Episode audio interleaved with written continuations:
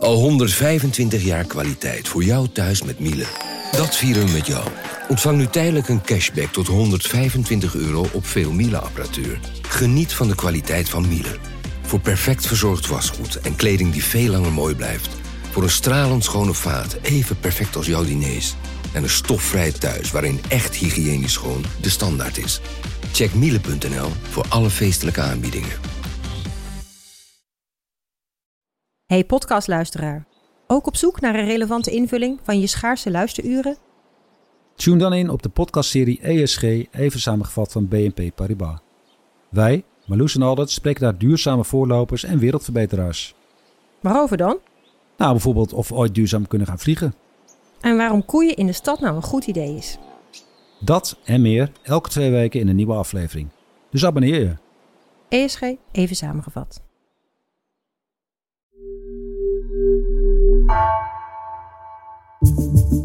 Vanaf de redactie van NRC het verhaal van vandaag.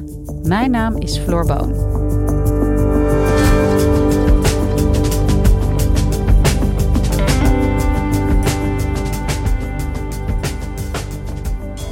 Deze week is Finland toegetreden tot de NAVO.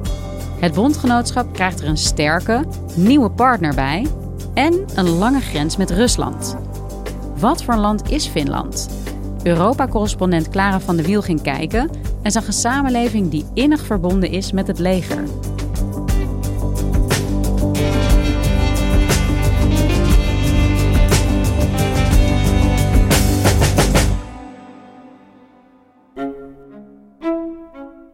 Ik was laatst in een uh, gigantische loods op een bedrijventerrein aan de rand van Helsinki, de hoofdstad van Finland.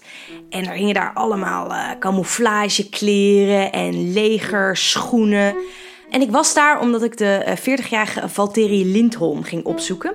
Hij heeft een korte blonde baard, hij loopt op hoge bruine laarzen rond... en hij stapte met grote passen dat voor me uit in die winkel. Want hij was de eigenaar van die winkel. This is our shop and this is our warehouse. It's huge.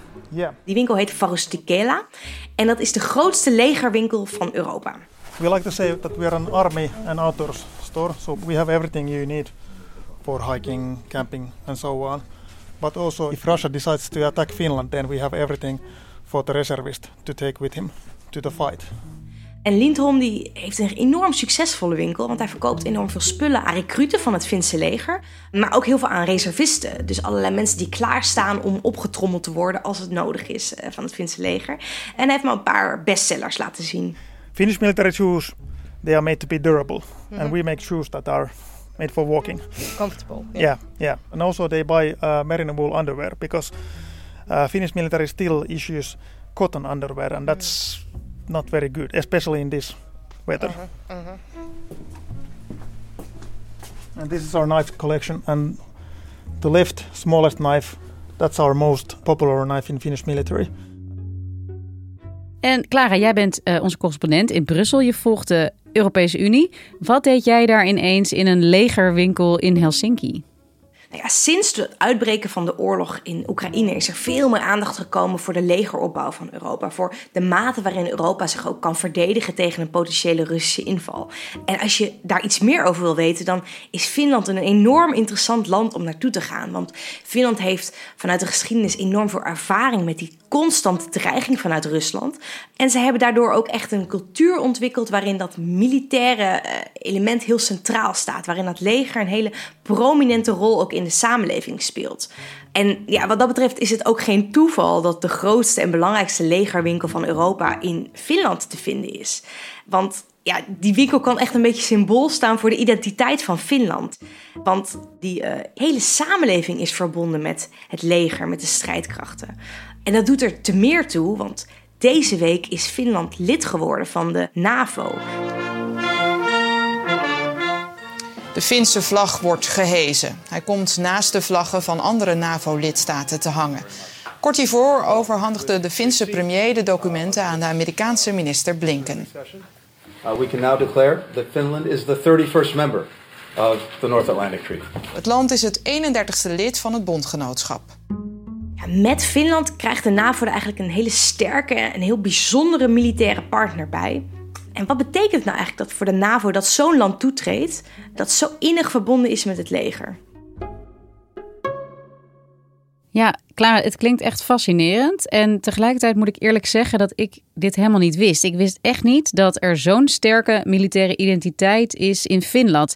Waar komt dat door? Ik wist het zelf ook niet, maar de betrokkenheid van de samenleving bij het Finse leger is echt enorm groot. Um, en ook als je kijkt naar peilingen die gedaan zijn in verschillende Europese landen, dan eindigt Finland altijd bovenaan als het gaat om bereidheid van de bevolking om deel te nemen aan legeractiviteiten. En dat was volgens een recent onderzoek van het Finse ministerie van Defensie zelfs 85 procent van de mensen die uh, eigenlijk wel bereid zijn om daar uh, ja, een deel aan te nemen.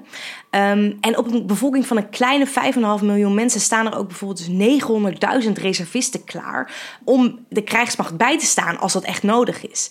En hoe komt dat nou? Dat een van de redenen daarvoor is dat Finland het enige land van Europa is waar de dienstplicht nooit is afgeschaft. Ja, dat is echt interessant. Hè? Al die landen, ook Nederland, is de dienstplicht al heel lang geleden afgeschaft. En daar moet iedereen dus vanaf ja, 18 jaar gewoon opdraven en uh, een tijdje dienst doen?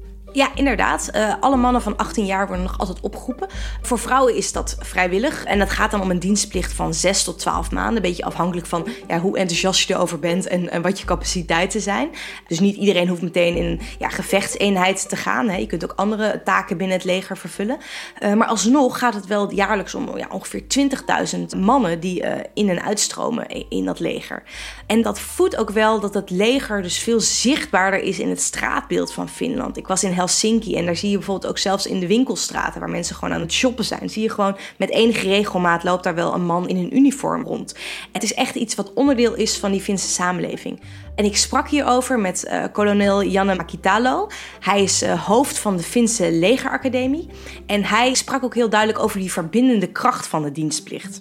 All the carpenters and all the professors, all the presidents, they have been doing their conscript service and uh, sleeping in the same tent with other from all around Finland in different professions and having uh, very hard life in, in forests and fighting and defending. So that's one thing that ties our defense forces and also nation together.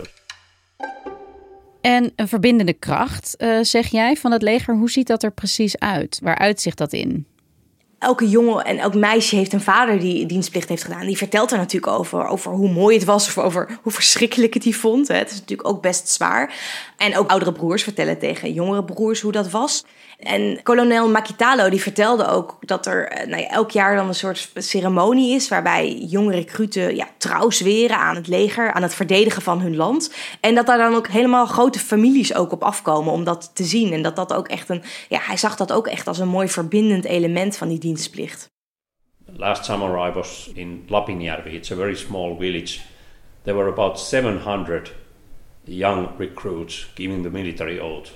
And about 2,000 of their relatives there. All the people were clapping, and so it's it's a very patriotic in a good spirit. And of course, we are military, but they are not militaristic. En we horen deze kolonel hier zeggen dat uh, de Finnen militair zijn, maar niet militaristisch. Uh, wat moet ik me daarbij voorstellen? Wat betekent dat? Ja, hij vond dat wel heel belangrijk om dat te benadrukken. Het is een militaire traditie, maar dat betekent niet dat men een soort van oorlogszuchtige of krijgslustige houding heeft. Dat leger is er louter en alleen op gericht om het eigen grondgebied te verdedigen. En als je heel erg ja, een beetje uitzoomt, dan gaat het eigenlijk alleen maar over het verdedigen van het grondgebied ten opzichte van Rusland. En ze benaderen ook heel erg dat alle oorlogen die Finland heeft gevoerd altijd defensief waren. Hè? Ze hebben alleen ja, uh, oorlog gevoerd om hun eigen grondgebied te verdedigen. En kan je dan ook zeggen dat die geschiedenis en die geschiedenis van die vele oorlogen de Finse identiteit heeft gevormd? Ja, absoluut. Als je een Fin vraagt naar waarom hebben jullie nou eigenlijk zo'n sterke legermacht, dan beginnen ze natuurlijk meteen over die geschiedenis. Hè? Want Finland ligt natuurlijk op een hele bijzondere plek hè, tegen Rusland aan, uh, verbonden met Noorwegen en Zweden aan de noordkant. En op die manier is het land eigenlijk altijd een beetje een speelbal geweest hè, van Zweden, dat het land een tijd heeft veroverd, maar ook voornamelijk van Rusland. En toen ik met Valtteri Lindholm sprak hè, in de legerwinkel, begon hij over de keren dat Rusland het land is binnengevallen. En hij zei: Ja, dat zal ongeveer uh, 32 keer zijn geweest. If I remember correctly, Russia has invaded Finland 32 times, like officially, and then we have the, all the un- unofficial border action beside that. Dat is echt heel veel. Wanneer was de laatste keer dat Rusland binnenviel? Ja, inderdaad. Het gaat vooral om keren in, ja, ver in de eeuwen achter ons. Maar uh, in het meest recente geval gaat het om 1939. Finland was aan het begin van de 20e eeuw onafhankelijk geworden van het Russische Rijk. Maar in 1939 eigenlijk, ja, bij de start van de Tweede Wereldoorlog, toen zijn ze dus weer binnengevallen door de Russen. En die oorlog is echt enorm vormend geweest voor de Finse identiteit. Want die oorlog kwam bekend te staan als de Winteroorlog. Het was dus in de winter van 1939 op 1940. Um, en ze hebben hun land toen echt enorm fel verdedigd en keihard teruggevochten. De Russen hebben toen bijvoorbeeld acht keer zoveel troepen verloren als de Finnen. En uiteindelijk was de uitkomst dat Finland weliswaar een klein deel van het land heeft moeten geven aan de Russen. Maar uiteindelijk zijn ze wel heel erg trots dat ze toen hebben terug kunnen vechten.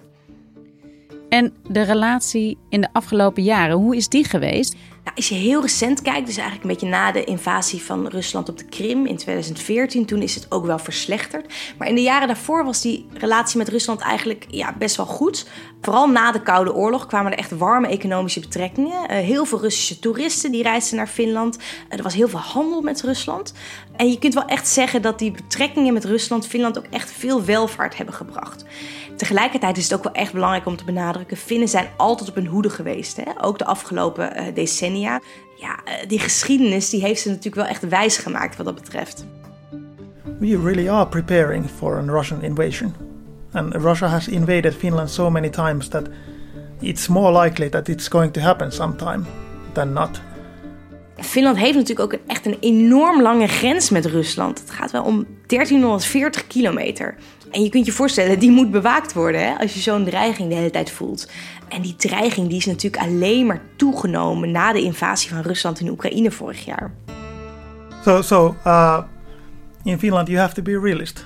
So yeah, we want peace and we want trade relations with Russia because that's that's the biggest land border we have. But but then again, it's Russia, so we have to prepare for the worst. En deze week treedt Finland toe tot de NAVO. Maar met het hele verhaal wat jij vertelt en de geschiedenis erachter, vraag ik me eigenlijk dan wel af: waarom hebben ze dat niet veel eerder gedaan of willen doen? Ja, er zijn eigenlijk meerdere redenen waarom de Finnen altijd een beetje terughoudend daarover waren. En de belangrijkste is eigenlijk dat Finland binnen Europa uh, na de Tweede Wereldoorlog eigenlijk een hele unieke positie kreeg. Um, je had natuurlijk West-Europa, dat heel duidelijk uh, betrekkingen had met Amerika, dat echt die transatlantische verhoudingen heel sterk had. Um, je had daarnaast een heleboel landen in Oost-Europa die gewoon geannexeerd werden door de Sovjet-Unie en onderdeel werden uh, daarvan. Hè, Polen, Tsjechië, Hongarije, noem maar op. Maar Finland ontrok zich daar een beetje aan. Hè. En Finland werd eigenlijk door de Sovjet-Unie niet echt belangrijk genoeg gevonden om in te nemen. Um, maar tegelijkertijd accepteerde Moskou ook niet dat er een land aan hun grens was wat heel erg verbonden zou zijn met het Westen. Dus het werd een beetje een soort van gedwongen vriendschap. Finland mocht wel onafhankelijk uh, zijn, maar ze moesten dan wel echt gedwongen neutraal blijven. En Rusland zo op die manier niet te veel uitdagen. Dat heeft decennia geduurd. Hè? Dat was een beetje een ongemakkelijke verhouding voor Finland. Uh, en na de val van de Sovjet-Unie veranderde dat wel. Hè. Toen werd Finland onder andere lid van de Europese Unie. En toen ging ze dus ook heel veel handel drijven met Rusland, daar echt aan verdienen. Maar sinds de inval van Rusland in Oekraïne vorig jaar is dat dus helemaal op zijn kop komen te staan. Ja, want dat is natuurlijk voor heel veel landen in Europa is dat een soort van omslagpunt. Hoe speelt die inval in Oekraïne precies in Finland? Wat is er daar precies veranderd? Sinds die inval is het wel echt duidelijk dat Rusland een pure vijand is.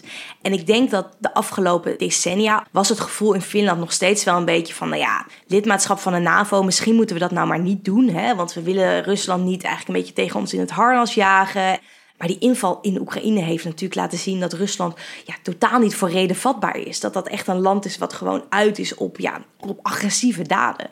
Uh, en dat maakt voor Finland echt wel dat ze zeggen van ja, als dit het land is dat wij aan onze oostelijke grens hebben, dan is het voor ons ook belangrijk om lid te worden van die NAVO, juist om die bescherming op te zoeken.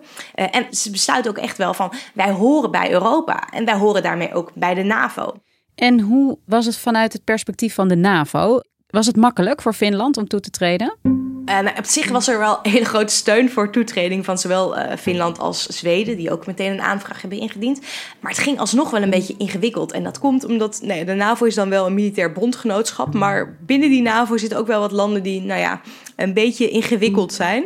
En dan heb ik het in dit geval vooral over uh, Turkije en Hongarije. Uh, die lagen het afgelopen jaar nog een beetje dwars. En waarom deden ze moeilijk? Waarom deed ook bijvoorbeeld Hongarije moeilijk? Dat had er eigenlijk mee te maken dat beide landen een kans zagen om ja, toch een beetje chantage toe te passen. Um, Hongarije die is heel boos over financiële sancties die Europa heeft ingevoerd vorig jaar. En die zoiets van, ja, misschien kan ik uh, dan nu deze landen blokkeren en dat daar dan iets aan veranderen.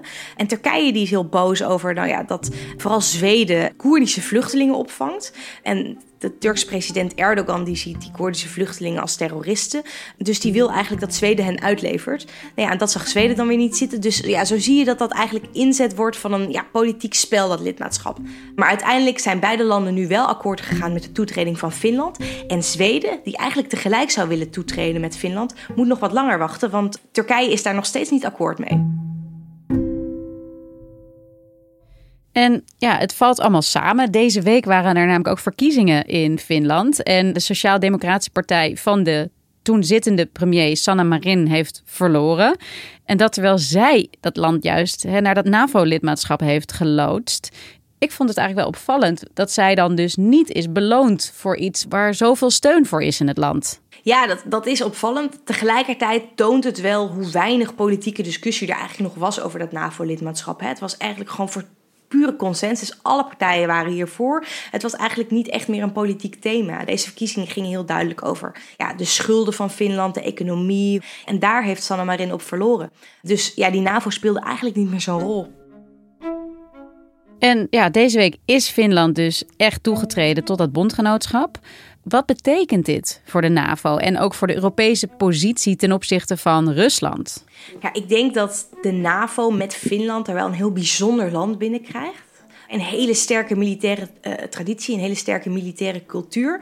Um, en dat is ook echt wel iets waar andere landen binnen de NAVO iets van kunnen en willen leren. En als je bijvoorbeeld kijkt naar Nederland, uh, wij proberen nu ons leger echt heel erg te versterken met heel veel nieuw geld eigenlijk. Maar we hebben het daar ook heel erg moeilijk mee. En een van de redenen daarvoor is dat het leger gewoon heel weinig zichtbaar is in Nederland. Ja, het, speelt eigenlijk totaal geen rol meer in ons bewustzijn. Dus het aanwerven van nieuwe mensen is voor Defensie in Nederland ook enorm moeilijk. Verder is natuurlijk met de toetreding van Finland komt er ja, een land bij wat een enorm lange grens heeft met Rusland. Hè. Met de toetreding van Finland verdubbelt de grens van de NAVO als blok met Rusland. Dus het is een land wat um, ja, echt weer iets nieuws brengt, denk ik, aan de NAVO. En hoe kijkt Rusland hiernaar? Wat is de reactie? Nou, die waren niet blij. Hè?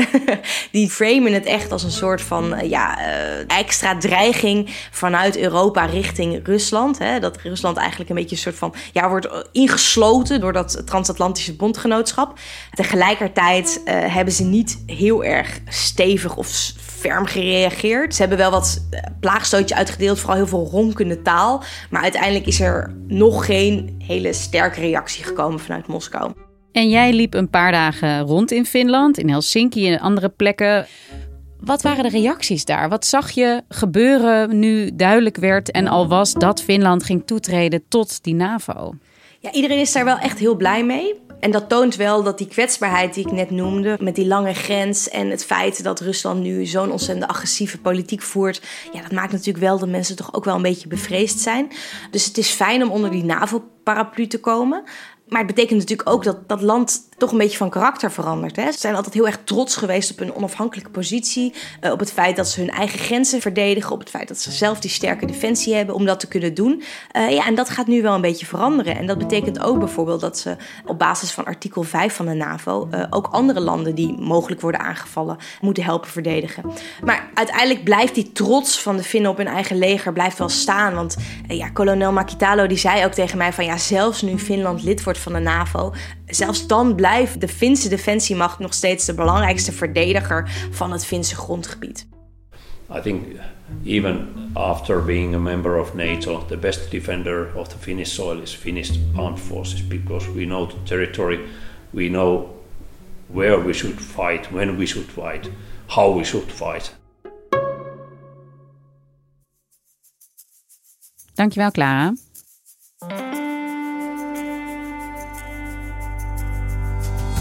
Je luisterde naar vandaag, een podcast van NRC. Eén verhaal, elke dag. Deze aflevering werd gemaakt door Nina van Hatten en Bas van Win. Coördinatie Henk Ruigrok van de Werven. Dit was vandaag. Morgen weer.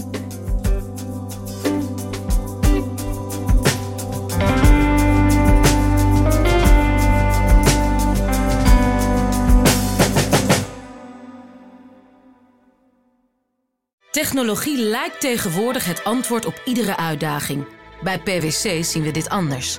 Als we de potentie van technologie willen benutten, kunnen we niet zonder een menselijk perspectief. Human-led, tech-powered noemen we dat. Ga naar pwc.nl.